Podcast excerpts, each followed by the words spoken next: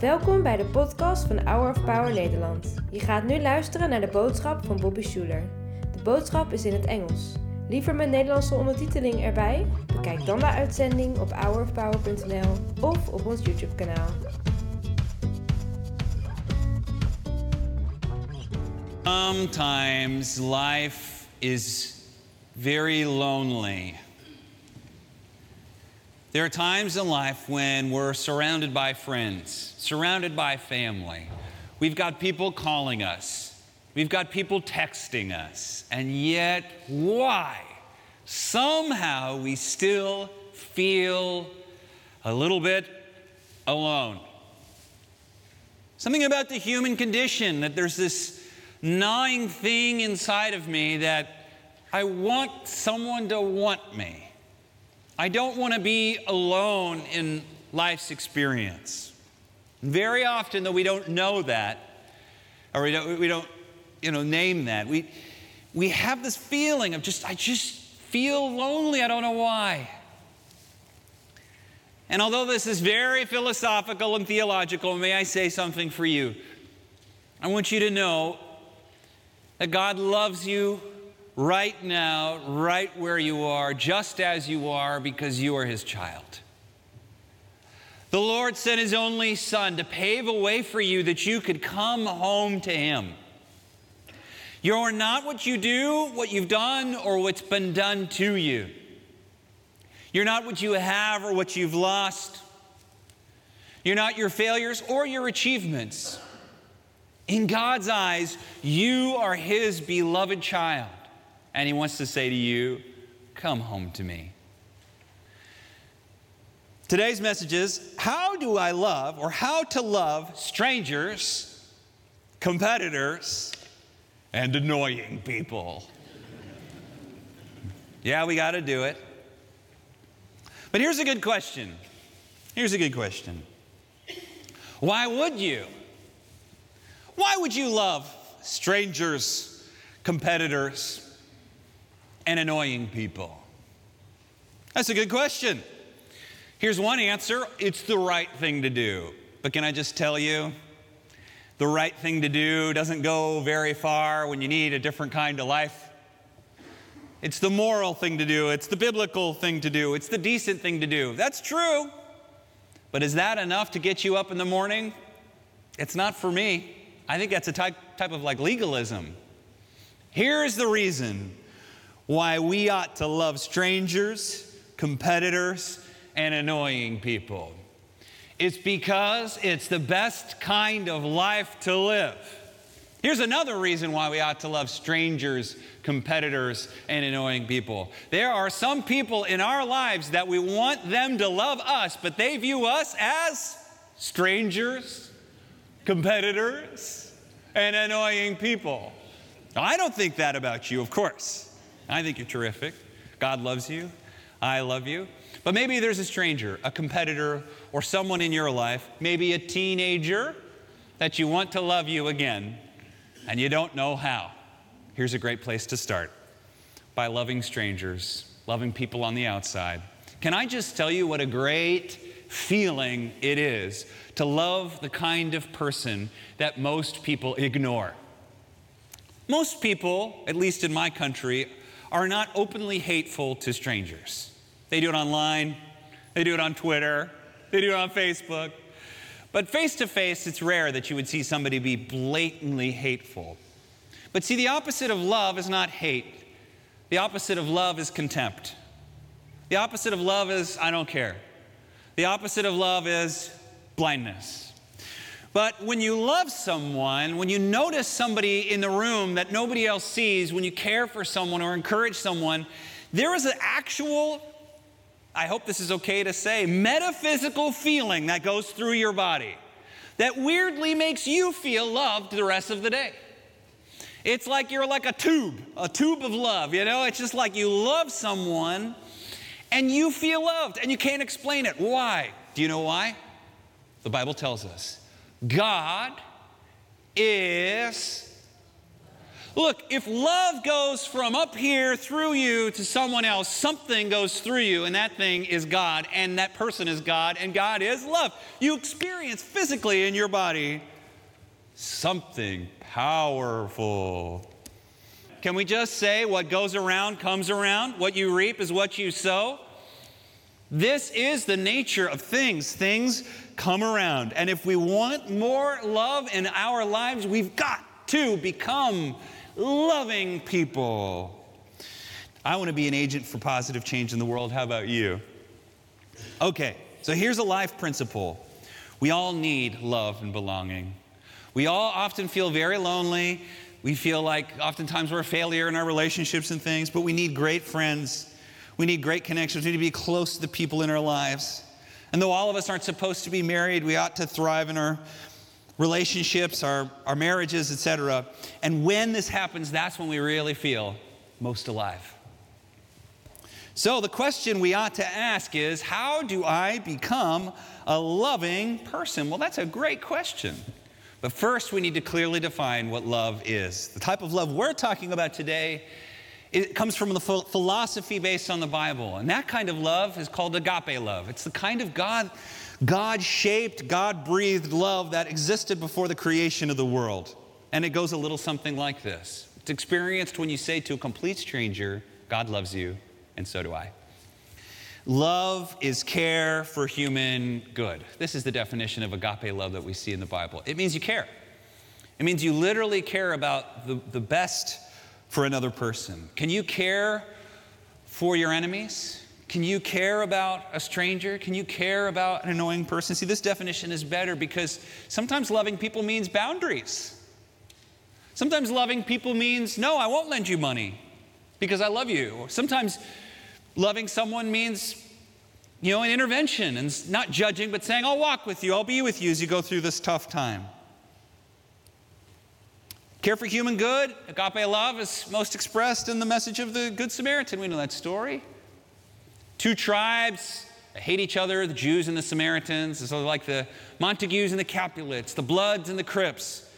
See, that's what it is. The Samaritan, who was hated, hated by their group, this, this man who was a Jewish man who was beaten and robbed, his religious leaders just went by him, but his enemy group, his enemy religion, that guy stopped, helped him, and Christ asks which one truly loved him. And the answer is the one who helped his brother. So, love means care for human good. Here's what I used to think I used to think love meant something like intense desire the desire to be with someone, the desire to spend some time with someone, the desire to give someone a call or for them to desire me. And desire is close because very often we do desire the people we love the most in life, but not always. I'd see a girl in high school and think, wow, she's beautiful and amazing, and I think I love her. What's her name?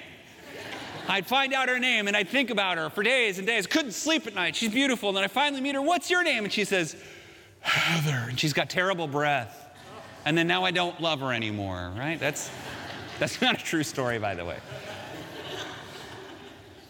Think about all the times that I've said, I love fried chicken. You know why I say that? Because I do. Man, fried chicken, I love fried chicken, especially the spicy kind. I love it. And I might say, you might say to me, Bobby, I love fried chicken too. But guess what? The chicken may disagree with you.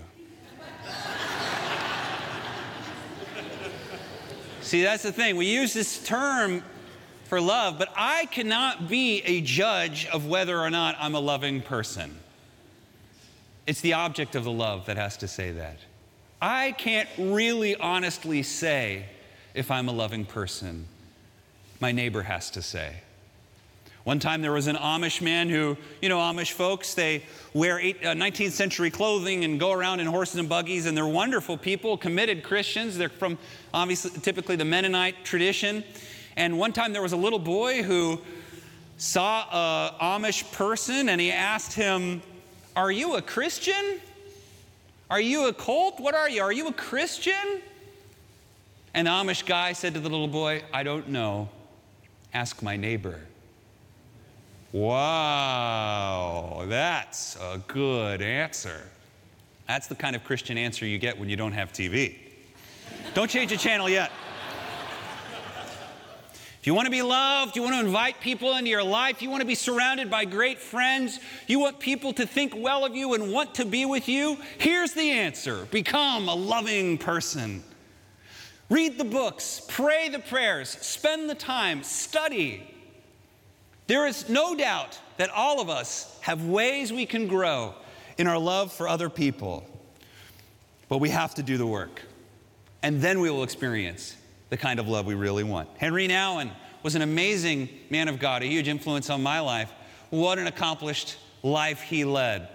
He taught at Yale for many years, and as if that wasn't a big enough accomplishment, he went up over to Harvard and taught there for many years and was published and had all sorts of achievement, and then published many works of which he had bestsellers. He spent time in the White House with presidents and heads of state. And through all of that, he never could quite feel loved until, in the twilight of his life, he went to a L'Arche community in Canada to serve double uh, disability adults and children. And these were mostly adults that, you know, for example, couldn't walk and also had a mental disability. And they didn't care about Yale. They didn't care about Harvard. They didn't care about money and they didn't care about his books. They just loved him. And that was the first place, he says, that he really experienced and found the kind of deep love that all of us are looking for. But look, you don't have to go to L'Arche community to get that. It's available today. But we have to become loving people. One of the things I love so much about Shepherd's Grove is that it's a loving church. It is such a loving church, and I hear that a lot. If you're here for the first time, you probably had somebody give you a smile, offer you some coffee. Maybe somebody prayed for you. If you asked them to, they sure would. Yeah, every church has a couple of screws loose, and that's okay, you know. I'm one of them. You know, every, every church has some people that aren't nice or some people that are, you know, uh, having a rough day, and sometimes I'm one of them. But in general, this is a loving church, and you know what that means? It attracts loving people. Legalistic churches attract legalistic people. Angry churches attract angry people. Loving churches attract loving people. It's like a good music program attracts good musicians. You want more love in your life? Begin to think of agape love as a skill that's developed. If you're a disciple, why would you think anything else? Disciple means committed student who's committed to training oneself in a certain way. Love is a skill that can be learned and trained. Now, let that be good news for all of us. Because that means if I want more love in my life, then the answer is to learn to be a more loving person. And if I can learn to be a more loving person, that means the power is in my hands to make a decision today to be a different kind of person. Don't put it off till tomorrow become that person today. Well, what does that look like? The great apostle wrote in 1 Corinthians chapter 13. Now, if you've been to a wedding, you've heard this passage before, haven't you? Anybody been, been to a wedding? No one? Just me? I've done over a thousand weddings, I think, in my life. And almost every wedding has this scripture. And it's a good place to read the scripture. It goes like this If I speak in tongues of men or of angels, but I don't have love, I'm only a resounding gong or a clanging cymbal. If I have the gift of prophecy and can fathom all mysteries and all knowledge, and if I have a faith that can move mountains, but no love, I'm nothing. If I give all that I possess to the poor and give over my body to hardship that I may boast, but do not have love, I gain nothing. Those are three amazing qualities, by the way. The first one I don't think he's talking about praying in tongues, which is a charismatic gift. I think he's actually talking about being a great communicator. Wow, that's a great thing if you're in a church to be a great preacher, great teacher, great talker, great uh, therapist, great whatever. But guess what? That won't get you love. It won't get you any love. It'll get you admiration, but not love. And there's another person, he says, a person prophet who commits who performs miracles and can raise the dead, can move mountains. That's amazing. That's an amazing thing. But guess what? That won't get you love either. And there's another person, the, the martyr, the person who would lay down their life for everyone, lay down their life for the gospel, the, the type of person who's like a social worker who would just go out and feed and care for the poor, the deacon type person, the person who cares for those who are in need, the missionary who goes overseas to share the gospel. That's an amazing thing. That'll get you a lot of glory. That'll get you a lot of brownie chips, brownie points in heaven. But guess what? It won't get you. It won't get you love. It won't get you love. It'll get you, people might desire you, it might get you acclaim, might get you a crowd, it won't get you love. Guess what gets you love? Becoming. Becoming. Becoming a more loving person. Don't confuse becoming a loving person with becoming a lovable person because it's not the same thing. It's becoming a loving person because every time you love someone, you experience love. And you send something out there like a boomerang that comes around to you. Trust me, my friend. Try it out, and you'll see. And then the apostle sits down and he decides, you know what I'm going to do for all the students who say, okay, I want to love someone. I want to love the way God loved. I'm going to make a list a list of the most important things that define what love is and what love is not. And I picture the apostle sitting there with a pen and he's staring at the page and he writes, Love is, and he's looking at the page. What's the first thing I should write here? Love is, love is, love is, what would you say? What would you say? Love is, is, is sweet, love is complimentary, love is forgiving, love is, what would you say? Love is, love is, the first thing he says is love is I got it. I got it. Patient. That's the first thing. Patient. Love is patient. Love is unhurried. Love is not in a hurry to get somewhere. Love is not too busy to see you. Love is not worried and thinking about something else while you stand before it. One of the most loving people I ever knew was my grandpa Schuller, you know, and there's other people like that who I've met. My grandma and grandpa Percy are this way. You, are there and they're the only person they see. Wow. They're, they're not thinking of being somewhere else because love is patient.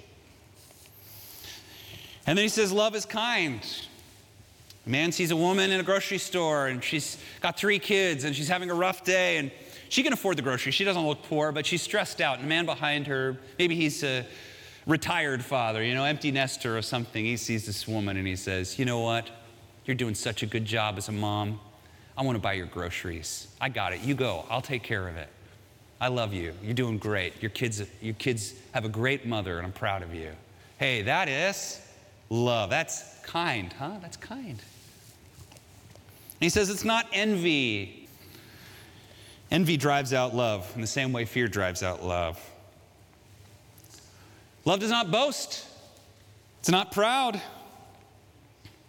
Pride and love is when you say they should apologize first. Yeah, I made a mistake, but theirs was a bit worse, wasn't it? Keeps no record of wrongs. Anybody here Irish? Keeps no record of wrongs. Yeah. We Irish have this thing called an unforgiveness list. We tattoo it on our brains. It takes a lot, but once you cross a line, you are on that unforgiveness list forever. Maybe you're from a family that can be that way. I am not, but some Irish folks can be that way. And I would say to you, throw that list away. It's time to forgive. Time to forgive. Don't have an unforgiveness list. Paul says, when I was a child, I talked like a child. I thought like a child. I reasoned like a child. When I came a man, I put the ways of childhood behind me. What's he talking about? He's talking about not thinking about love like a teenager. He's talking about thinking about love like an adult that love is care for human good.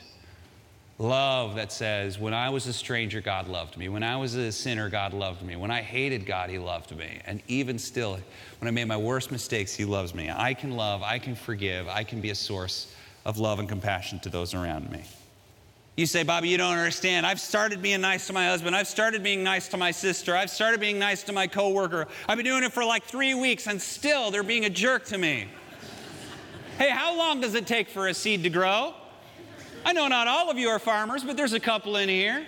How long is the distance from spring to fall? What is it, about six months?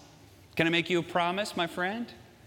If you plant seeds now and tend to them for six months, then you'll see a difference. That's why love is patient.